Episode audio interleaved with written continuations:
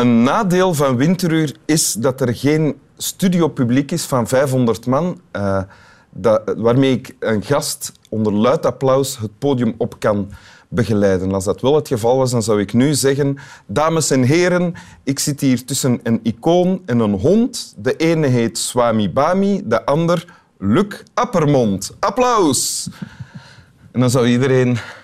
Als een opstaan, ja. En jij komt dan ergens van een showtrap van een afgedaan. trap afgewandeld, ja. Om dan uh, flux in de zetel te komen zitten. Ja, alsof dat een dagelijks gebruik is, ja. ja.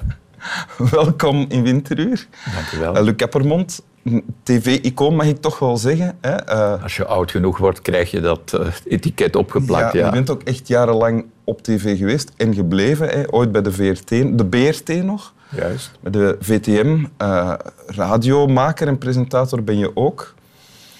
Uh, en je bent nog niet met pensioen, ook niet, want je bent nu ook weer op tournee. Klopt, ja, met uh, Bart met samen. Ja, ja, inderdaad, uh, Bart en Luc Intiem. Een theatertour waar we drie jaar geleden zin in hadden, omdat we samen eens naar een optreden reden. Ik was geboekt als presentator, hij als een van de artiesten. En Bart zei toen in de wagen zo van... Allee, dat is toch gezellig dat we samen kunnen uit en samen thuis. Dus Dat moeten we meer doen. Ja, echt waar. Dat is zo- zo'n idee. Maar dan moeten we samen eens iets doen in theater. En daar is eigenlijk eh, het idee ontstaan om eh, te gaan toeren. We hebben het is eigenlijk niet nodig om daar nog reclame voor te maken, want het is overal uitverkocht. Ja, inderdaad. Ja. We Ja. gaan het volgend jaar wel in 2019 hernemen, Ja. omdat er heel veel zalen en culturele centra een, terecht ook een afwachtende houding hebben aangenomen. Kijk, als jij geboekt wordt, dan weet je wat je mag verwachten. Ja, spektakel. Eh, ja, pluimen. En bij ons eh, is dat totaal onduidelijk, maar de reacties zijn alleen voor ons heel aangenaam en heel warm, dus eh, we gaan daarmee door. En het is u gegund ook. Dank u. Wil je de tekst voorlezen die je hebt Ja. meegebracht? Heel graag. Het is een tekst van Khalid Gibran. Ik weet niet of je hem kent. Dat is een schrijver die, eh, denk ik, in, tot de jaren 30 geleefd heeft. Dus rond de eeuwwisseling, rond 1900. En eh, heeft in Amerika gezeten. En die heeft heel veel eh, teksten geschreven. Ik heb zelfs gehoord dat Elvis Presley in 1956, bij het begin van zijn carrière, zo'n tekst in handen kreeg, zo'n boekje. Ik denk dit boekje, De Profeet, de Prophet. In het Engels dan. In het Engels uiteraard. En hij heeft dat cadeau gedaan aan zijn ouders en aan zijn management en zo. En ook John Lennon heeft daar eh, een citaat uitgebruikt in een van zijn liedjes in een eh, LP uit 68.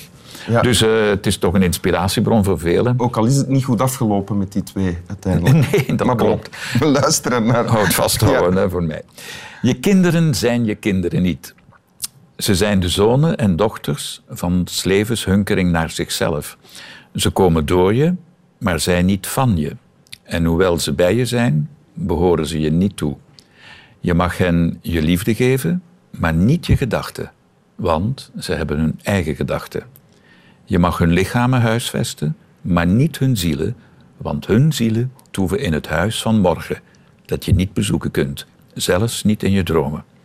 Je mag proberen gelijk hun te worden, maar tracht niet hen aan jou gelijk te maken. Je kinderen zijn je kinderen niet. En ik heb er geen.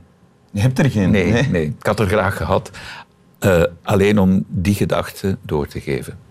Ja. Want wat is de gedachte? Wat staat er? Wel, eh, dat je elk individu zichzelf moet laten zijn. Ik heb ouders ooit gekend die een babytje hadden en die dat bijna als een trofee meedroegen en toonden aan heel de omgeving. En dat was zo ja, hun werkstuk en dat was van hen. Eh, en ik had toen zo al een reflex, zonder dat ik die tekst kende, zo van, oh, oh, oh, maar eh, jij hebt dat kind nu, maar heeft dat kind jullie gewild? Dus dat is toch een andere gedachte. En later heb ik eh, verschillende ouders dit boekje kunnen aanraden wanneer ze in de knoop lagen met hun eigen kinderen en dat ze daar heel veel verdriet van hadden en geen afstand konden van doen, zelfs als ze volwassen waren. En dan zei ik, uw kinderen zijn uw kinderen niet. En dan keken ze heel verschrikt op, zo van, wat bedoelt hij daarmee? En hielp dat dan? Ja, ik probeerde dat uit te leggen. En achteraf waren ze vaak heel dankbaar. Oh ja. Ja, toch wel. ja. Je, je hebt zelf geen kinderen, zeg je? Nee, jammer. Heb, heb je te maken met de opvoeding van of te maken gehad? Ja, eh, ik heb wel uh, twee neefjes waar ik Peter van was. En ik heb mij ook altijd getracht uh, het, allee, het, vaderschap niet te claimen, maar wel hun opvoeding mee in de gaten te houden en een beetje bij te sturen. Mijn broers lieten dat wel toe, die vonden dat leuk, maar daar heb ik nu nog altijd een goede band mee. Het is wel zo dat kinderen, toen ze heel klein waren, heel aanhankelijk. En dan komt de puberteit en dan namen ze dat was ook voor mij een nieuw fenomeen, helemaal afstand. Ook van jou? Ja, ja ook van mij. Ja, ja. En dan één keer als ze volwassen waren, 20, 21, 22, kwamen ze terug en nu is er een heel sterke band. Ja, je hebt ook een, een man ja. van eh, toch een, een, tiental jaar jonger dan Klopt, jij. Ja. Was dat, was dat een gelijkwaardige relatie van in het begin? Nee, nee. En dat lag echt aan mij. Ik, ik vond... Uh, uh, ik wou met de beste bedoelingen Bart een beetje kneden. Naar mijn voorbeeld. Niet dat ik mezelf zo ideaal vond, maar ik had wel al wat levenservaring. En ik dacht, ik wil hem besparen voor de valkuilen die ik in mijn leven meegemaakt had. En uh, hij heeft dat aangevoeld, heeft me dat ook heel goed duidelijk gemaakt. Ik begreep dat eerst in het begin niet zo goed. Um, dat hij zei, ja, maar je moet mij loslaten, je moet mij niet, ik ben jou niet. En toen dacht ik, oh, dit boekje. Ah, maar dat heeft wel een tijdje geduurd voor, ja, ja, voor je daarachter kwam. Ja, ja, ja, ja, ja, ja, toch wel. In, in de relatie met hem wel, ja. Naar kinderen toe was dat anders, hè. Maar naar Bart toe was dat inderdaad anders. En uh, hij heeft mij dat op een eh, hele leuke manier duidelijk gemaakt. Van, uh, ik, ik moet zelf mijn weg kunnen vinden en ik moet zelf misschien eens met mijn gezicht tegen de muur lopen. En uh, ja, zo zijn we eruit gekomen en nu hebben we een heel goede relatie. En sindsdien zijn jullie gelijker ook? Ja, absoluut. Oh ja. Ja. Absoluut. Ja. je hebt geen kinderen, zei je daarnet al. Uh, maar het klinkt wel alsof je een goede vader was geweest als je er had gehad. Ik, ik zou mijn best gedaan hebben om, om dat te zijn in elk geval. Ja.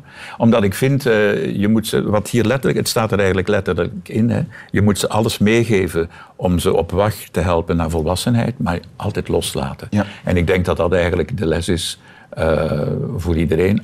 Alles kunnen loslaten. Nergens je echt aan hechten, want je bent met niks gekomen en je gaat ook met niks weg. Hebben jouw ouders jou makkelijk kunnen loslaten? Ja, toch wel. Ah, ja. Nou, ze hadden vijf kinderen, dus ah, ja. dan is het al makkelijker. Hè? Ik neem ja. aan als je enig kind bent dat dat uh, anders is. Maar ja, mijn ouders hadden hun handen vol met die vijf. Dus uh, ik heb nooit zo gevoeld dat ze mij claimden. Maar het was wel zo, vaders wil was wet. Hè?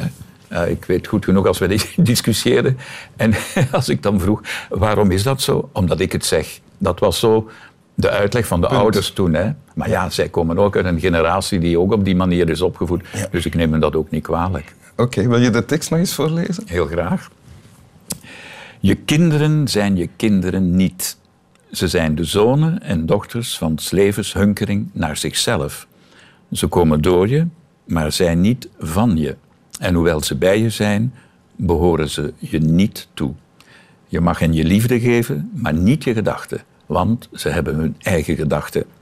Je mag hun lichamen huisvesten, maar niet hun zielen, want hun zielen toeven in het huis van morgen, dat je niet bezoeken kunt, zelfs niet in je dromen.